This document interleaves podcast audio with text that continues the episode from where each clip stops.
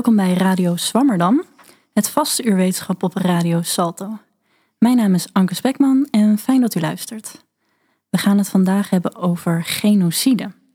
En dit seizoen begon ik al met een uh, uitzending over dit onderwerp. Nu bleek uit die uitzending al dat genocidestudies een erg interdisciplinair onderzoeksgebied is. En dat biedt ruimte om op dit onderwerp door te gaan. Mocht u deze eerdere uitzending nou hebben gemist, dan is dat geen probleem. De uitzendingen zijn een mooie aanvulling op elkaar, maar zijn ook zeker los van elkaar te beluisteren. Vandaag de gast is Antonie Loslag, antropoloog en gepromoveerd op het proefschrift Violence, Identity and Memory, an Anthropological Study on the Armenian Genocide. Antonie, welkom. Dank je. Co-presentator vandaag is Tanne van der Wal. Tanne, waar denk jij aan bij het woord genocide? Ja, goedemorgen. Dankjewel Anke. Um, ja, ik denk dat veel mensen en ik ook natuurlijk in eerste instantie met een gedachte naar de holocaust gaan.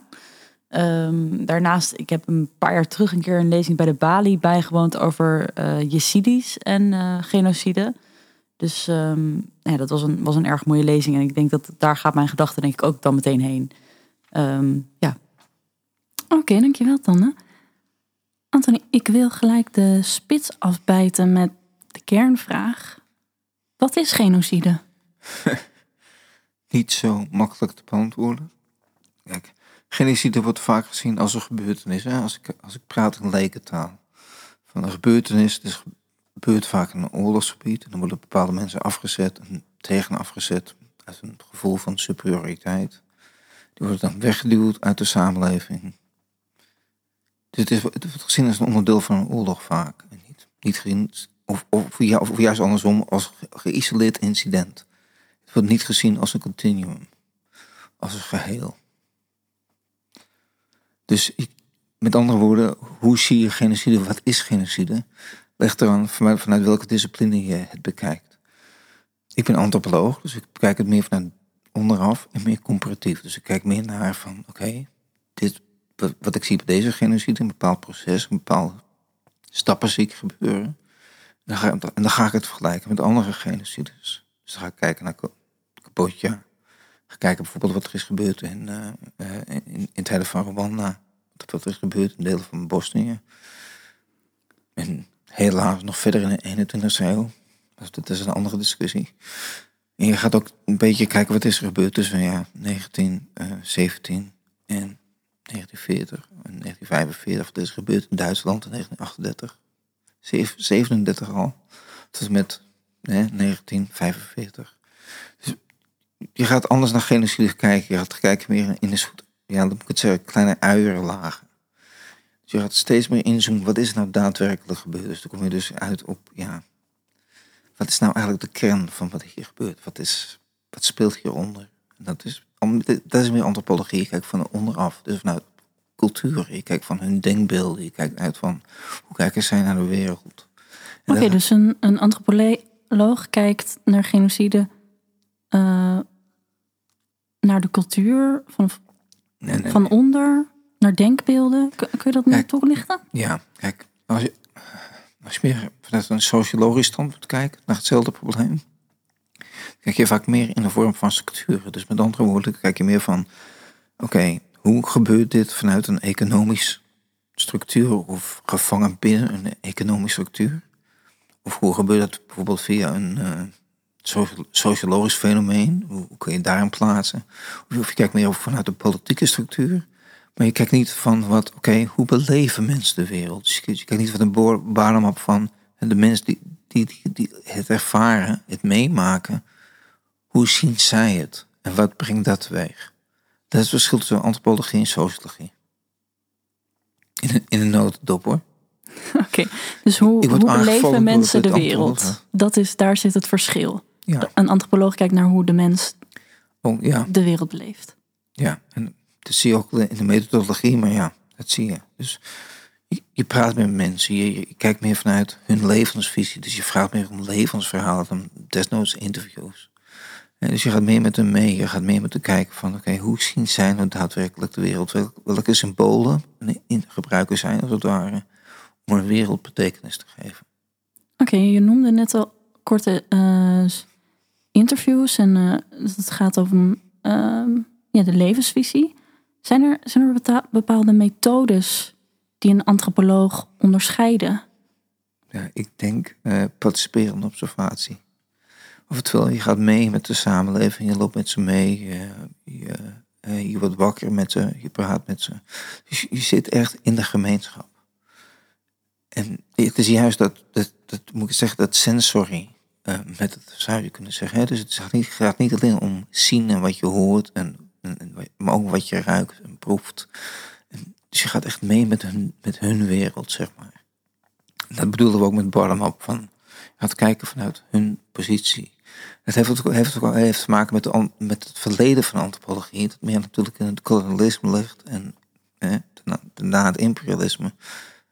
Maar hè, dus daarom kijken we ook meer vanuit de koloniale standpunt. We gaan meer met de mensen mee. We kijken meer met hun mee. Maar dat had andere politieke doelen destijds. Het is tijd van het kolonialisme.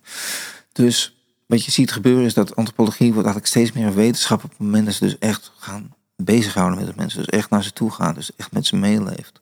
En dat is dus participerende observatie. Vanaf dat moment, sinds Malinowski het heeft toegepast in 1920, 22, sinds dan is het eigenlijk een, meer een methodo- methodo- methodologie voor antropologie.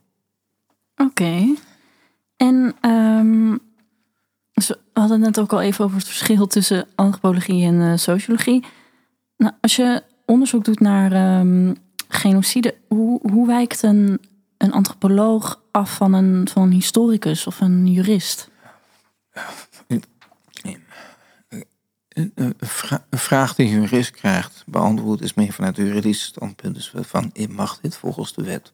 Mag het volgens de internationale wetgeving? Mag het volgens hè, de nation- nationale wetgeving, et cetera? Eh, een socioloog, die denkt, hè, nogmaals, dit, dit, is een, dit is een heel grijs vlak, want zijn sociologie en antropologie komen samen. Maar eh, eh, traditionele sociologen zeggen van, we kijken meer naar structuren. Dus we kijken meer naar de grote lijnen, dat mensen beïnvloed te doen, om te doen wat ze moeten doen. Antropoloog kijkt meer vanuit onderaf om te kijken van, hey, waarom doen ze dat? Dus je Oké, vo- en waarom doen ze dat? Ik wil daar wel even op doorgaan, want ehm, ehm, dat, dat is ook een, een vraag die ik graag wil behandelen. Van hoe, hoe komen mensen tot genocide? Hoe, hoe gaat dat proces? de eerste, dat- dat het proces is, nogmaals, dat is meer gezien vanuit eh, de, ja, moet ik het zeggen, vanuit eh, de genocide- genocide-studies. Het, het is niet een algemene, eh, ja, het zijn niet algemene studies die dit aannemen of leken die dat aannemen. Dus dat wij het zien als een continuum is rel- rel- relatief nieuw, laat, ik het zo formuleren. En er zijn eh Stanton, dat is een antropoloog geweest, die heeft op een gegeven moment gezegd van zijn acht stappen acht fases die we kunnen onderscheiden. Waarvan je kan zeggen van, dit, dit is genocide. Dus het later veranderd het tien stappen, maar toen was het acht stappen. Uh, heeft, hij, heeft hij dat ingevuld, maar hij is niet verder op doorgegaan. En wat ik en op dit moment ook een Chris Weisberger in eh, Amerika met z'n tweeën aan het doen zijn, is die stappen meer te verfijnen. En juist meer te kijken van, oké, wat, gebeurt er tijdens die stappen? En doen ze zowel in principe vanuit meer buitenaf, sorry. Meer buitenaf, want hij is namelijk eh, eh, meer socioloog. Ik kijk het meer vanuit onderaf, vanuit, vanuit antropoloog. Dat is een leuke interactie. Dus daarom proberen we meer te verfijnen van wat zijn nou eigenlijk die stappen die, dat, die, die daartussen plaatsvinden. Dus we gaan het verfijnen, kleiner maken. Ook, ja. En daar ben ik nu mee bezig. Ja, ik heb de, die, die, die, of in ieder geval dan de, de tien fases van Stanton ik even opgezocht. Het eerste is klassificatie, ja. symbolisatie, discriminatie, Ja. dehumanisatie, organisatie, polarisatie, voorbereiding, vervolging, vernietiging en dan ontkenning. Ehm, dus wat, wat opvalt is dus de negende stap in dat proces is het geweld. Klopt dat? Eh, Ja, en ik mag ik daar dan Oh, ja. op in mag vallen. eh, je noemt het ook een continuum. ja. Daar bedoel je dan mee dat we dus al die verschillende genocides met elkaar kunnen vergelijken? Is dat dan? Nee, ja. We hebben het over, we hebben het over culturele genocide bijvoorbeeld. Ja, dus dat je dat, dus Het, dat, je dat allemaal, ook al zijn het verschillende gebeurtenissen, onder dit ene tien stappen plan eigenlijk kan schalen. Uh, stappenplan niet, maar wat je moet zien is, we- kijk, daders ple- Er is ook een theorie, dat het heet de continuum of de, het klinkt verschrikkelijk. Continuum of de destruction heet dat. Van waarom gebeurt het dat eigenlijk steeds meer geweld steeds meer toeneemt in fases? Waarom gebeurt dat? Waarom doen mensen dat? Dat komt niet van mij af, dat komt van een, eh, een, een, een, een, psycholoog af Staub. Zo heet hij, Irvin Staub. Ehm, en eh, hij heeft een boek geschreven in 1989 en daarin schrijft hij van, oké, er is een continuum van destruction. Dus hoe komt het dat mensen steeds meer erger daden plegen? En hij zegt eigenlijk van, eh, als je één stap neemt, dus laten we zeggen van je gaat mensen stigmatiseren, dan is de volgende stap om ze ook te klassificeren, dus anders te gaan noemen. En Stanton heeft eigenlijk daarop dus zijn stappen, stappen, zijn fases zou ik me willen, me willen noemen, zijn fases als het ware. Oké, dus de, het feit dat het dus in fases loopt, dat is het continuum. Wij gaan iets verder, ja. Oké, Ja. ja. Oké, en, en je zei ook dat het, ehm, het, zijn, het zijn fases, maar geen stappen.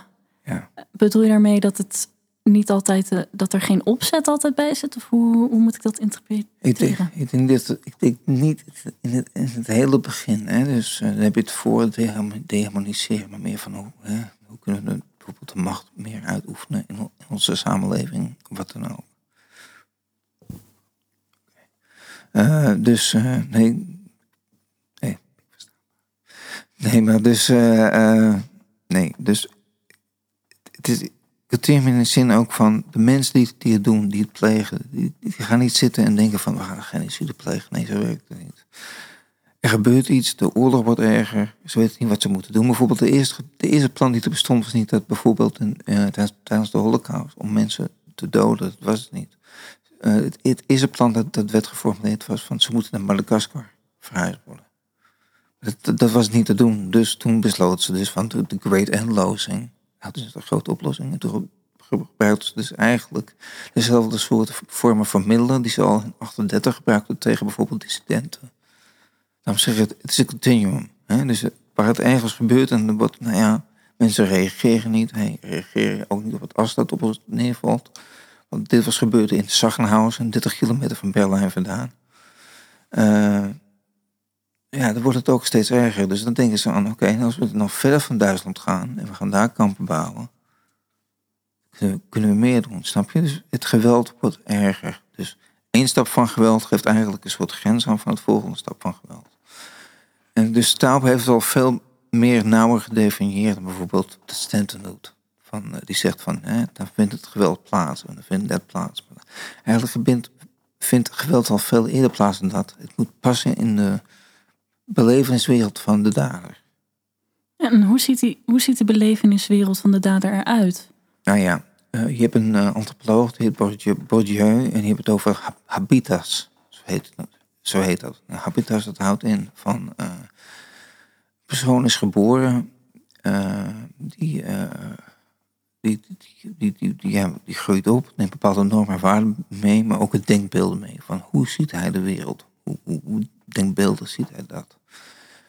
En kan niet, een persoon kan nooit verder kijken dan dat. Jij kan het niet, ik kan het niet. We kunnen nooit buiten die kaders denken.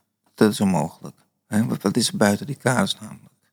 Dus zelfs als, je zou denken van, ik ben daar tegen, een tegencultuur of wat dan ook, kan nooit buiten die kaders zijn. Dus met, met andere woorden, cultuur geeft een bepaalde structuur weer van, daar denk ik in. Dat, dat, dat, is, wat, dat, mijn denkbeelden vormen. Eh, als dat gebeurt, hè, en, sorry, het, wordt negatief, dat, dat, is, dat, dat, is, wanneer het dus meer op symbolisatie begint te lijken, dan is geweld ook meer toepasbaar. Daarvoor niet. Dus Stanton maakt wel, on, wat, wat probeer te zeggen, is Stanton maakt wel verschillende onderscheiden, maar hij maakt die onderscheiden zo breed en zo groot eigenlijk, dat je daarin nog tussenstappen kan bedenken en creëren. En dan zie je een eigenlijk verfijnder beeld ontstaan van wat is genocide. En dan heb je het meer over continuum, want het kan gestopt worden. Het is niet zo van, oh, oh, de dominee voor domino die begint hier te vallen. En dat gaat dan over, bam, bam, bam. Dat is het niet. Er is ieder, ieder moment kan je het stoppen. Je kan het stagneren of wat dan ook. Dat, dat is niet wat er gebeurt. Mensen laten het vaak omvallen. En achteraf gaan ze zeggen van, is er genocide gepleegd of niet? En dat is dus de huidige politiek en de huidige standpunten die op dit moment plaatsvinden. Dat is heel fatalistisch. Je, hebt wetten, bijvoorbeeld Responsibility to Protect, om maar iets te noemen. En die wetten zeggen van dat we eigenlijk meer proactief moeten reageren. Die zeggen van oké, als we deze, deze, deze fases op deze ontwikkelingen zien, moeten we gaan optreden. Dus we samen met andere woorden, door juist onze ook wetenschappelijke aanpak, die dus meer historisch is, maar ook meer een fatalistische kant met zich meebrengt. Dat het zo begrensd is namelijk. Uh, kan het dus ook nooit gestopt worden. Dus wij hopen met ons continuum aan te tonen van nee, wacht, er zijn tussenfases waarbij dus wel zeggen van we kunnen ingrijpen. We kunnen daarbij iets zeggen. We kunnen dus zeggen van oké, genoeg. Dat is overigens nog steeds niet de kern van de genocide. Uh, Nee, maar het is wel uh, interessant wat je zegt dat er. Um, uh, dus Stanton heeft bepaalde fases. Um, mm -hmm. ja, of daar, daar een theorie over bedacht. En als je die fases kan herkennen, kan, kan je dan ook een genocide stoppen? Uiteindelijk kan je dat, in ieder geval het grote geweld dan tegenhouden? Nee. Ja, het zou moeten dat, dat, is ook de bedoeling uiteraard, daarom heeft de assistent dat geschreven is, zoals een bepaalde uh, wetsvoorstel geweest, om dat als het ware waar te maken. Ik heb met Hamelink gesproken.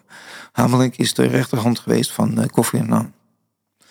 Ik, ik heb met hem gesproken en uh, hij heeft desnoods, hij heeft, destijds heeft hij een plan opgezet van naar de media toe van als dit en dit en dit en dit en dit gebeurt, allemaal teken dat er een genocide op gang zou kunnen zijn. En de media kan meehelpen, wat ze op dit moment juist niet hebben gedaan, maar media zou kunnen meehelpen door te zeggen van oké, rode lamp, rode lamp, rode lamp. En dan pas, snap je? Dus het heeft, ook, het heeft, ook, heeft ook te maken met wat is de mening van het volk? Uh, vinden zij het belangrijk genoeg om dat, dat, dit, een issue wordt? Dus de, de lokale uh, politiek of de nationale politiek daarmee onder druk kunnen zetten. Of tenminste niet onder druk kunnen zetten, maar het wel een issue kunnen maken genoeg dat ze het mee kunnen nemen naar bijvoorbeeld naar uh, de verkiezingen of, wat dan ook.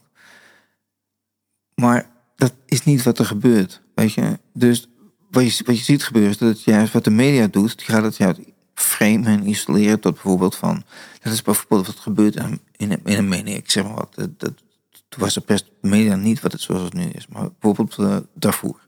Het gebeurt in Darfur. Dat is wat er nu gebeurt in uh, voormalige uh, Birma op dit moment. dit is wat daar gebeurt. Daar. Het zijn geïsoleerde dingen. daarmee, door het te isoleren, zal de, veiligheidsraad nooit zeggen van ja, nee. Met andere woorden, je, je kan we hebben wetten die kunnen gehandhaafd worden, dat wordt niet gehandhaafd.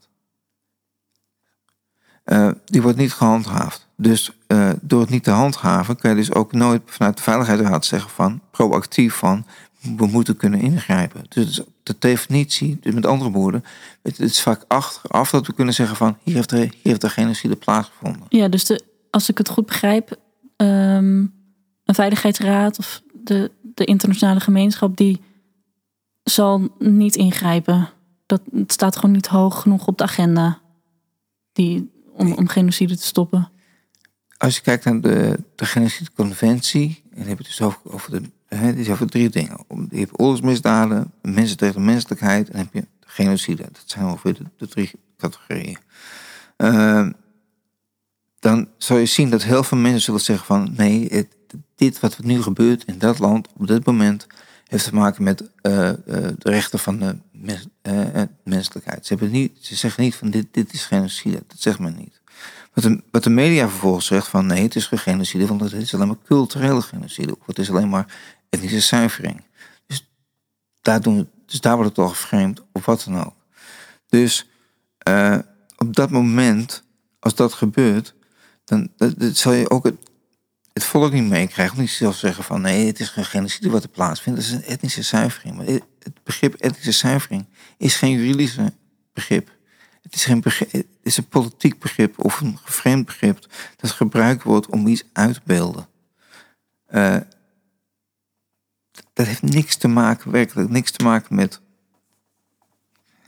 Uh, wat, ja, moet ik het zeggen, de veiligheid. ja, grote, het grote probleem waar mensen tegenaan lopen op dit moment is dat. Uh, kijk, als je iets wilt. als je iets wilt. bewegen, als je, als je iets wilt tewerkstellen, dan moet je het dan allereerst een bepaald gevoel in het volk krijgen van: oké, dit is wat er gebeurt, dit, dit is belangrijk, dit is wat we een genocide zouden kunnen noemen. Op het moment dat de media dat dan niet doet en de politiek erachteraan gaat, op het moment dat dat gebeurt, kan je het volk daarin ook niet meekrijgen. Dus kunt nooit dus de responsibility to protect of van de grond af krijgen, omdat het volk daar niet achter staat. Uh, dus een partij zal het ook nooit gaan noemen van hey, dit is belangrijk in de, in de Veiligheidsraad of wat dan ook. Dus het, of het al überhaupt tot de stemming komt bij de Veiligheidsraad is de vraag. Als de stemming er komt in de Veiligheidsraad, dan gaan we eerst kijken van wat heeft het te betekenen voor ons eigen land. En die zullen dan eventueel een veto uitgooien. Dus die Responsibility Protect, dat is een wetgeving, dat is destijds gebruikt om juist genocide te voorkomen. Kan niet gehanteerd worden in de Veiligheidsraad. Dus het wordt ook nooit toegepast. Mensen gaan eens kijken wat is het nationale belang wat ik hiermee heb. Ja, oké. Dus um, ja, een klein beetje pessimistisch uiteindelijk toch. Dat er niet heel veel hoop is dat er um, ja, dat, dat genocide voorkomen kan worden. Nee, dat, ja, nee, ja, ja, ja nee. Uh, ja, dat is nogmaals, dat is meer een klassiek beeld. Uh, wat wij proberen juist te doen van nee, genocide is een iets wat. Het is, het is dynamisch, een continuum. Dus het gebeurt.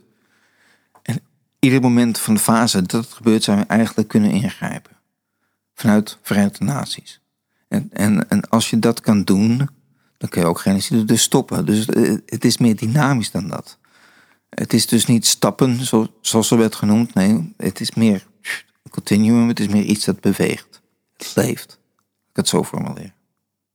Oké. Maar ook dat is niet de kern van genocide. Oké, dan wil ik um, het heel even gaan hebben over um, je proefschrift. Uh, want die heeft als uh, ondertitel een antropologische studie uh, naar de Armeense genocide. Vraag me af, wat maakt de Armeense genocide in het bijzonder interessant? Nou ja uh, tweeledig, tweeledig. Uh, de Armeense genocide is interessant, want uh, het wordt genoemd als de eerste genocide van de 20e eeuw. Mm -hmm. Ja. maar goed, ook daar zijn discussies over, want dat, dat, is, dat, dat is wel wat er geargumenteerd wordt. Het is interessant omdat het ook eigenlijk de inspiratie is geweest voor de definitie van genocide door Lemken. Als je goed kijkt naar de, de vijf definities van genocide, dus in de 1948 genocideconventie, staat er ook volgens mij een vijfde, uh, hè, de, de, vijfde definitie, of de vijfde onderdeel van de definitie. En uit mijn hoofd, door parafraseer ik hier. Maar voor mij staat er van, als je kinderen van de slachtoffergroep tot je kan nemen, in je huis kan nemen, dat is ook een onderdeel van genocide. Hè? Want ze groeien niet op in hun eigen identiteit, ze worden meegenomen met iemand anders. En dat is belangrijk. Want identiteit wordt niet genoemd, maar dat, dat is meer de kern van de genocide. Uh, dus als je kijkt naar Lemken, had hij het dus niet over uh, de holocaust, zoals heel veel mensen denken. Had het meer over de Armeense genocide. Dus als je me vraagt van waarom is deze genocide van belang, ten eerste wordt genoemd als de eerste genocide, nogmaals, meningen verschillen. En daarnaast zei hij van, is dat eigenlijk de kern geweest voor de definitie Flemken, wat genocide betekent. Oké, en um, uh, je hebt ook veel um, tweede en derde generatie Armeense overlevenden gesproken. Ja. Hoe, hoe was dat? Uh, nou, ten eerste, ik kon niet praten over het woord interview. Zoals ik het woord al zei, er rennen mensen al de deur uit. Oké, dat schrikt af, het ja, woord interview. Ja, ja, ja, omdat het natuurlijk ook een bepaald gevoel van wantrouwen is. Hè. Van, uh, je, moet heel, je moet rekenen dat ongeveer, denk ik, 50% van de Armeniërs wonend in uh, Nederland is uh, van Armeens-Turkse of Turkse-Armeens, hoe ze zich, zichzelf mogen noemen, afkomst. Eh, terwijl, dus eh, er is per definitie heel veel wantrouwen, want die mensen die hebben natuurlijk ook in de samenleving over cultuur van habitas, om maar een Bourdieu te noemen, uh, geleefd van bepaalde angst. Ik ben Armeens, ik ben dit, ik ben dat. Dus als ze naar Nederland komen, dan is die argwaan nog steeds. Dus ik per definitie met blond haar en blauwe ogen, die in een vergadering zat.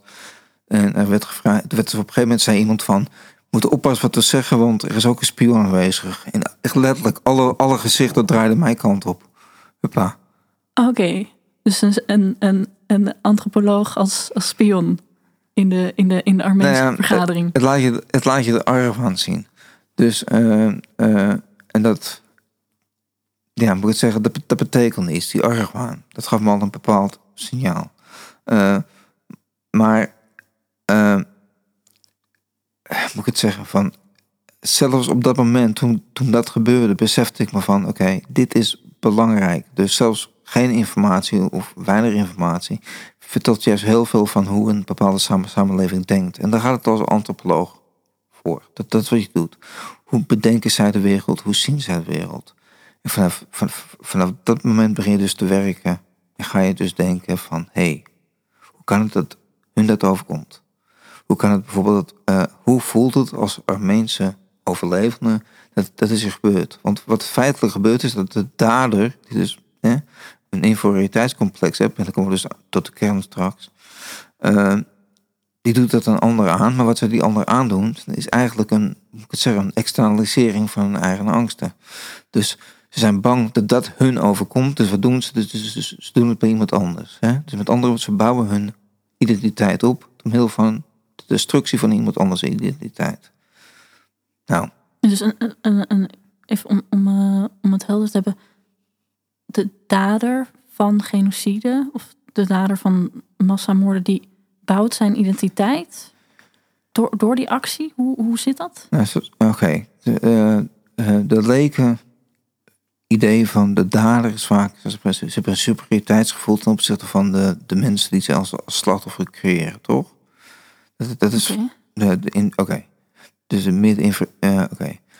Uh, wat, je, wat je daadwerkelijk ziet gebeuren, als bijvoorbeeld naar de speeches van Hitler luistert, of, of, of, wie dan ook, of bijvoorbeeld ook naar de, de uitspraken van uh, de drie pasha's in, in, in, tijdens de Armeense genocide als je daarnaar luistert, wat je hoort eigenlijk is het tegenovergestelde. Je hoort continu eigenlijk een soort slachtofferrol. Dat is juist de kracht wat de mensen met elkaar verbindt.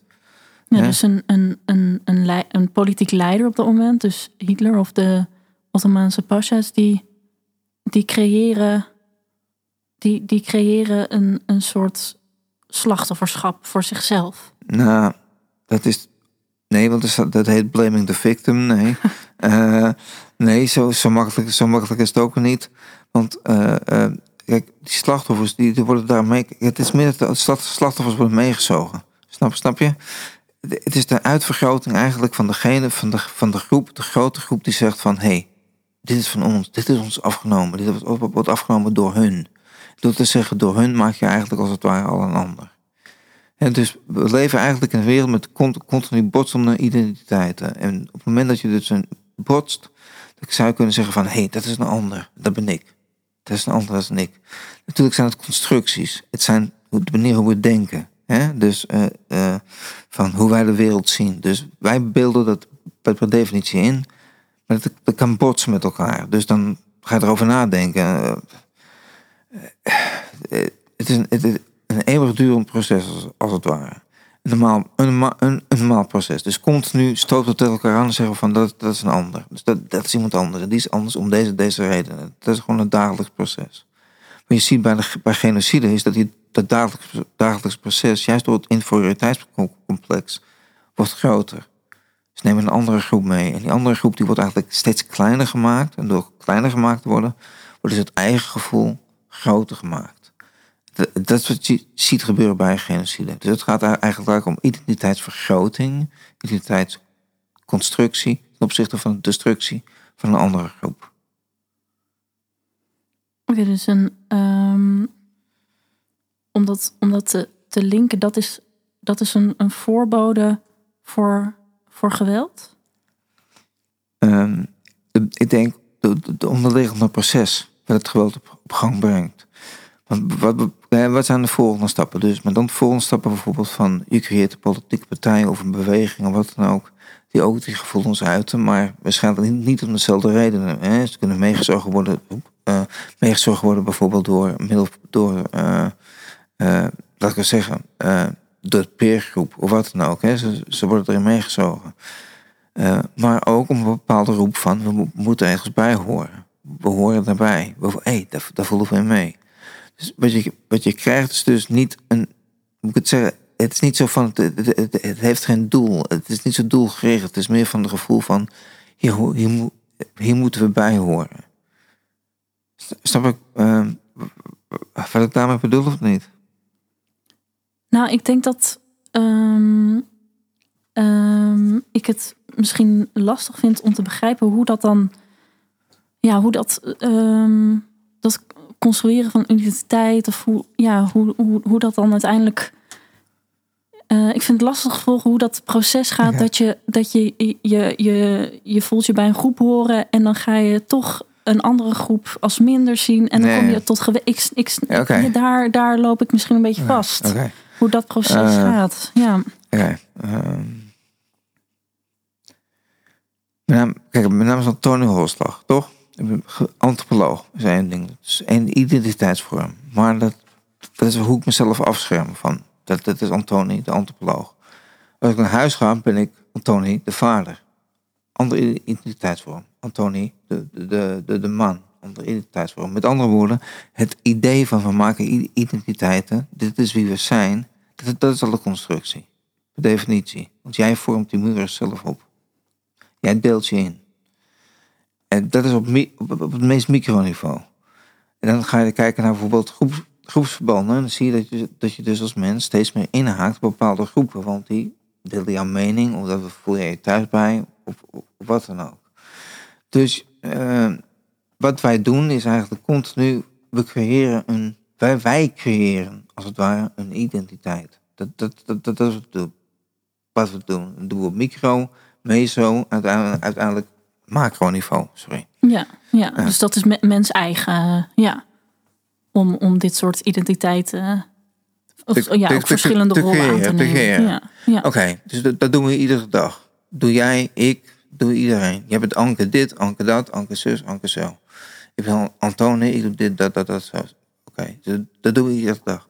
Wat je ziet in een genocidaal proces is dat we hebben het vaak te maken met een politieke crisis. Er gebeurt iets, of een financiële crisis of wat dan ook. Niet noodzakelijk een eh, identiteitscrisis, dat niet. Maar dat komt eruit voort. Want mensen gaan zich afvragen van waarom gebeurt dit? En dat is wat Staub ook zegt. Van mensen keren zich terug naar zichzelf. Die gaan zich afvragen van, dat, heet, dat noemt hij dan de self-concept. Die gaan zich afvragen van waarom gebeurt ons dit? Dan krijg je dus een gevoel van oké, dat, moet er iemand anders gebeuren. Dus je gaat externaliseren naar een andere groep. En dan kom je tot een andere theorie van Staub. Daarom zeg ik van, het zit wat complex in elkaar. Eh, van Staub. En Staub zegt van, oké, er zijn drie vormen van waar, waarop we identiteit eh, creëren. En een daarvan is van, eh, we creëren een ander beeld continu. Dus met andere woorden, eh, we zeggen van, hey, dit ben ik, omdat jij dat niet bent. Of andersom, jij bent dat, dat is anders dan ik, en dat ben ik. Dus er is continu een soort spiegeleffect. En dat noemde hij baby grammar. Ja, baby grammar. Wat, wat, eh, dat, dat is, wat is dat precies? Grammar is dus. het, het is dus van. eh, van hoe moet ik het zeggen? Van, hij, hij noemt het baby grammar, hij noemt het mirror effect, hij noemt het drie verschillende dingen in zijn artikel. Maar baby grammar houdt in van. Het is de basis manier van hoe we praten. Dus hè, als, we, als baby's zijn, het eerste wat we doen is. hey, dat, dat, is niet blij, dat, is niet jouw blokje, dat is mijn blokje. Dus die, hè, dus die stelt iets van jou, want dat mag niet van- jou zijn. Dus door dat te doen, wordt er eigenlijk onderscheid gemaakt van een object en een subject. Eh,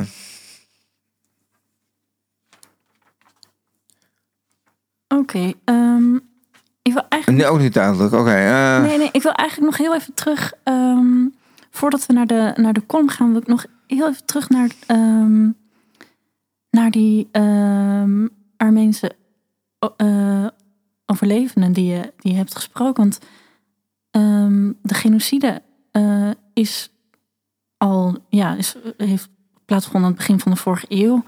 Houdt, houdt zo'n genocide hen nog veel bezig? Tuurlijk.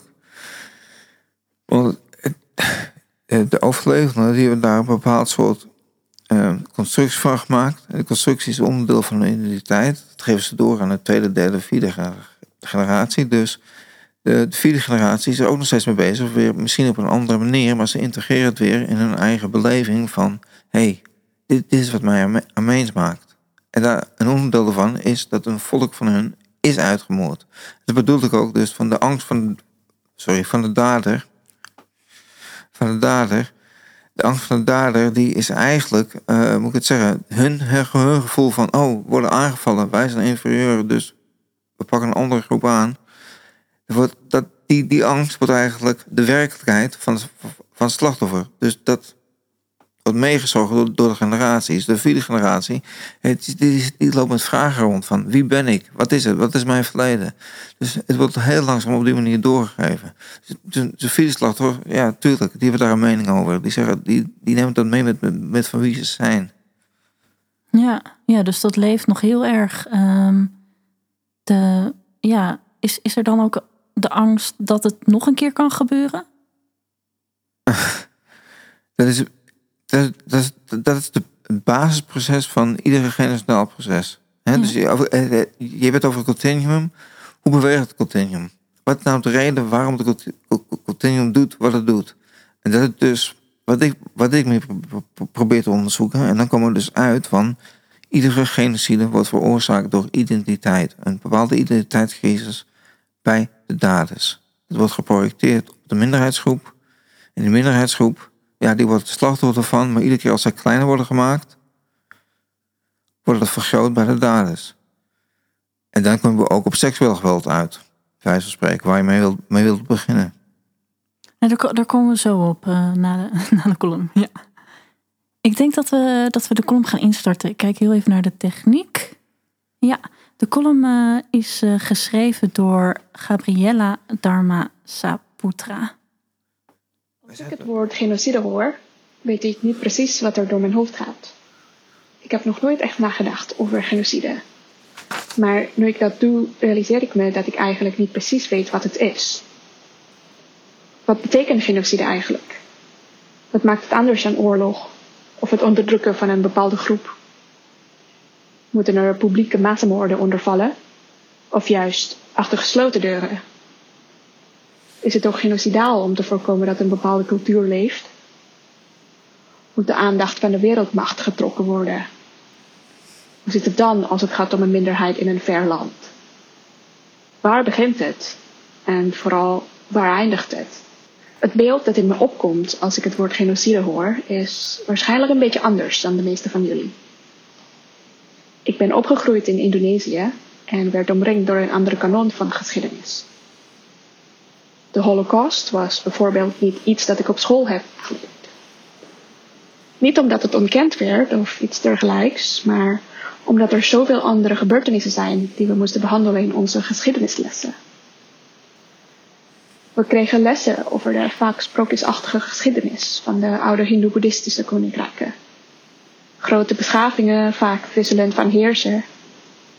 De mensen leefden goed, de cultuur bloeide, de tempels werden gebouwd, de goden waren gelukkig. Het was allemaal sterk geromantiseerd en over wat er gebeurde met de verliezende partij werd niet gesproken. Ik dacht er toen niet aan. Het waren maar verhalen, dacht ik. Maar nu vraag ik me af of het genocidaal was. Een optimistisch deel van mij denkt dat ze misschien werden toegelaten in het nieuwe koninkrijk. En we leerden natuurlijk ook over de specerijenhandel. Een mooie naam om het te noemen, maar in werkelijkheid was het simpelweg diefstal, dwangarbeid, onderdrukking, een strijd voor winst, een broed kolonialisme. Op school in Indonesië heb ik deze periode vanuit een heel ander gezichtspunt leren kennen dan hoe mijn vrienden het op een Nederlandse scholen hebben geleerd. Ik leerde het natuurlijk vanuit het standpunt van de onderdrukten. Hoe de kolonisten arbeiders dwongen om specerijen te kweken en te oogsten zonder redelijke werkomstandigheden.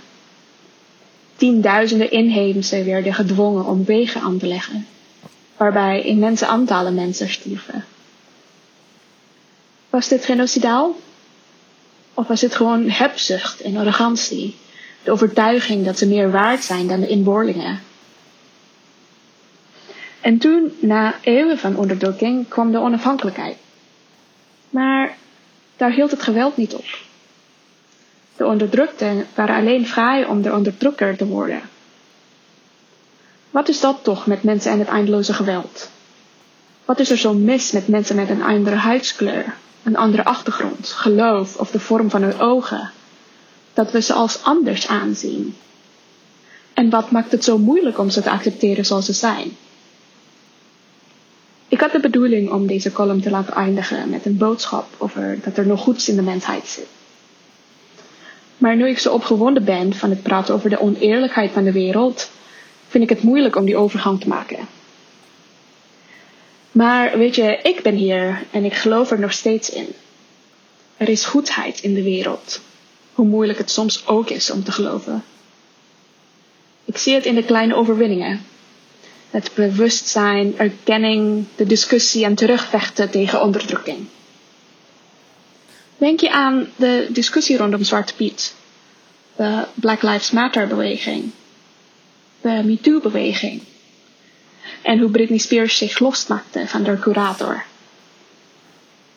En ik zie het ook op mijn werkplaats met de vorming van een commissie diversiteit. Dus als je dit ook zo voelt, dan weet dat je niet de enige bent. Oké, we luisteren naar een column van Gabriella Dharmasaputra. Bedankt voor de column.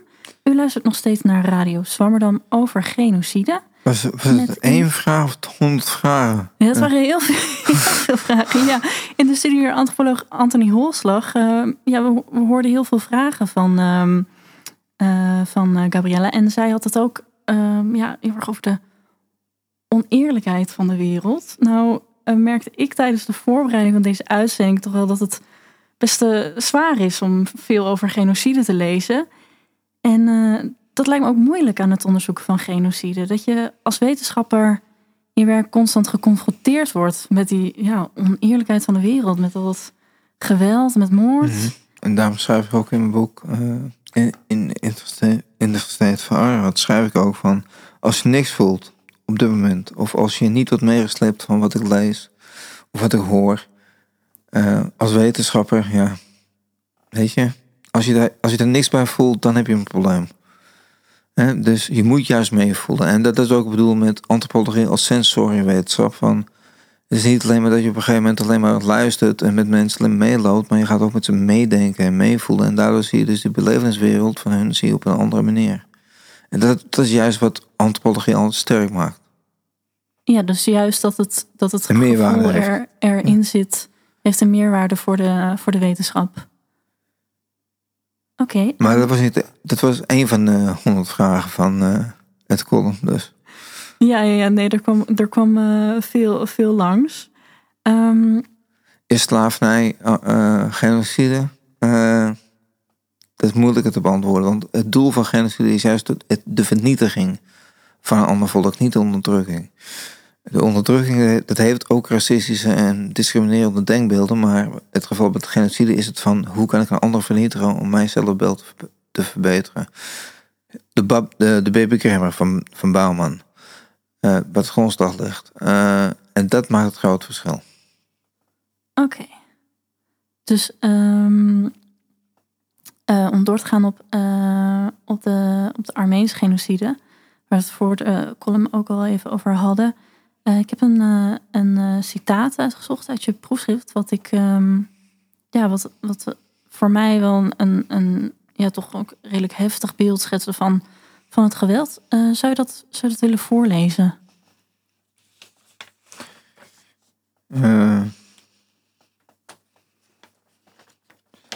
Deze?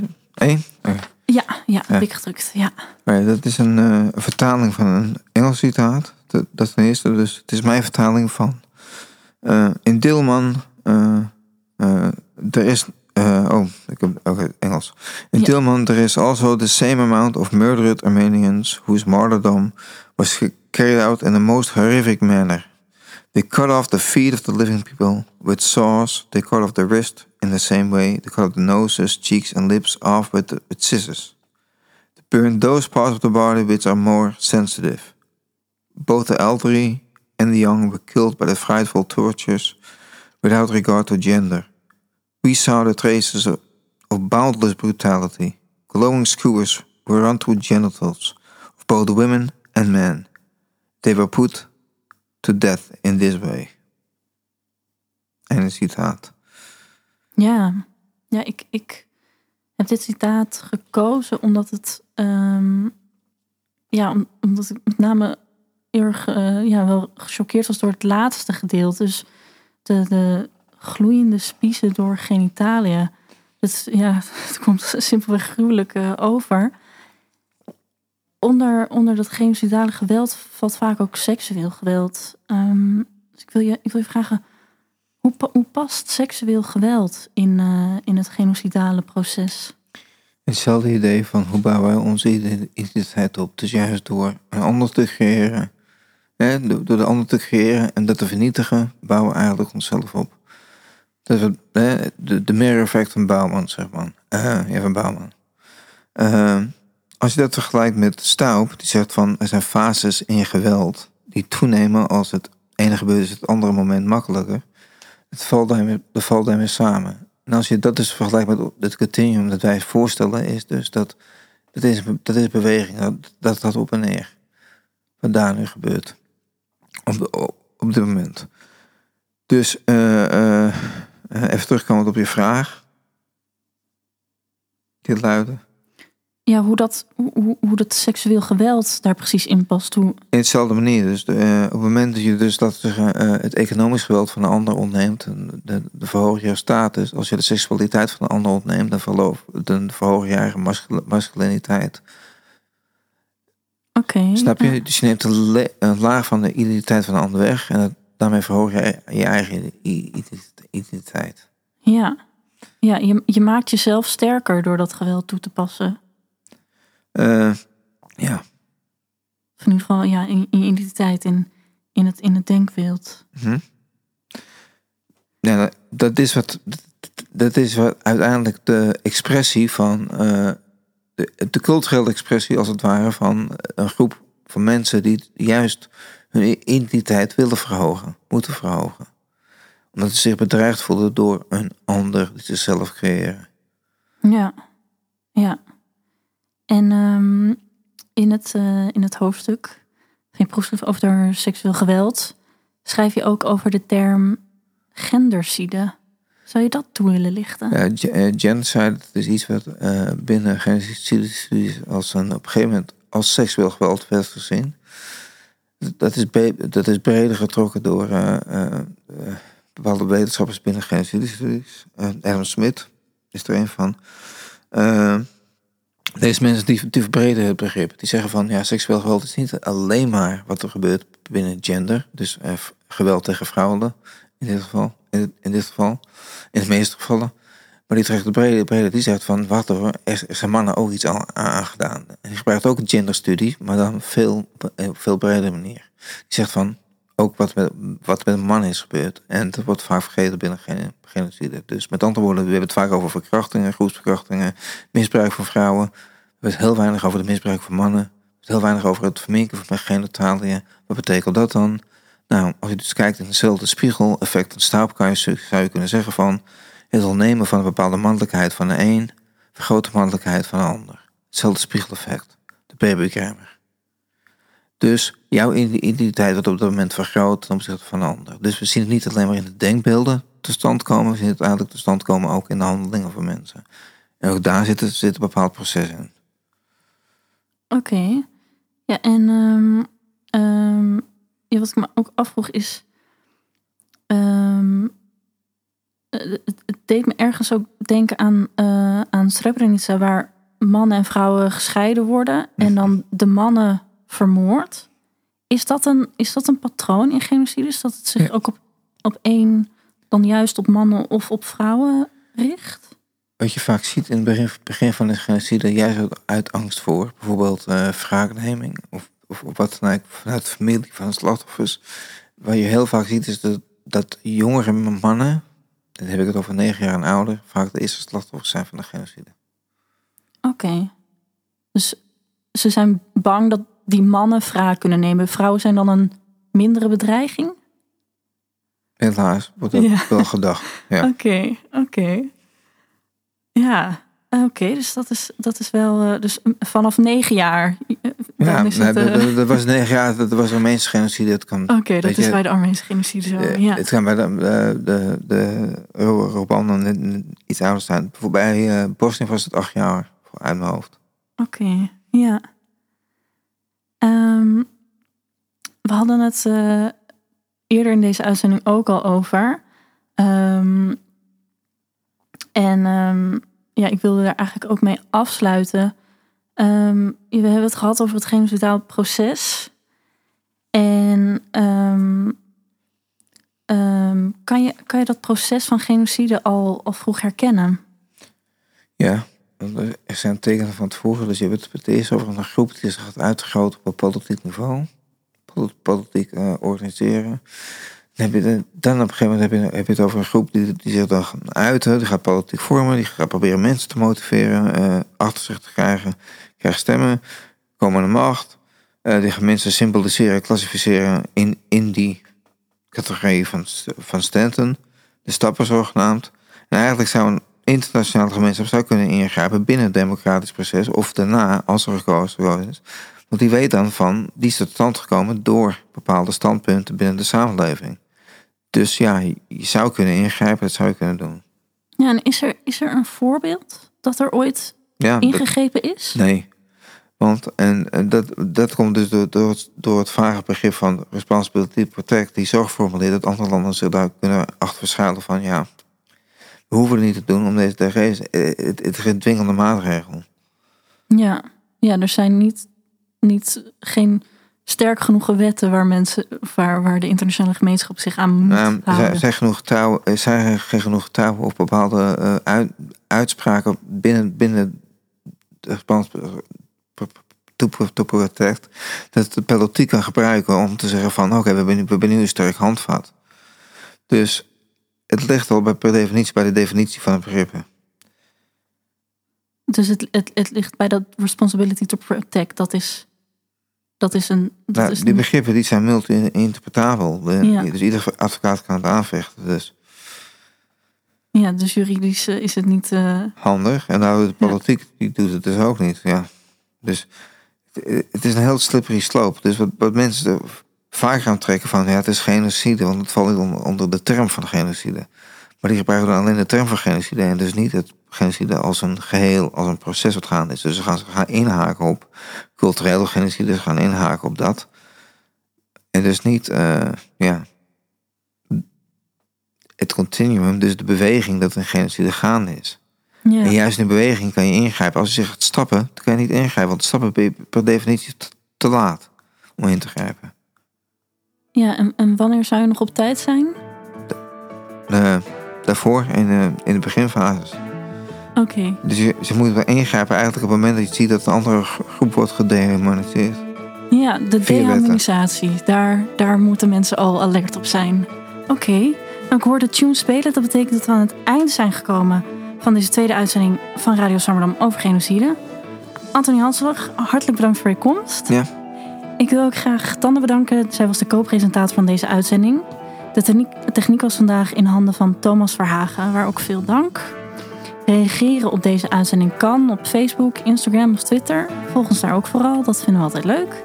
Mailen kan ook naar redactie.radioswammerdam.nl Volgende week zondag is Radio Swammerdam weer te beluisteren tussen 11 en 12 op Radio Salto. Dan ook een aansluitend thema uit de sociaal-wetenschappelijke hoek. Researching the Other. Als u de uitzending van vandaag of oudere uitzendingen wilt terugluisteren, kan dat via alle podcastkanalen zoals Spotify of Soundcloud. En deze uitzending komt later vandaag ook online. Dit was Radio Zwammerdam. Bedankt voor het luisteren en hopelijk tot volgende week. En voor nu nog een hele fijne zondag.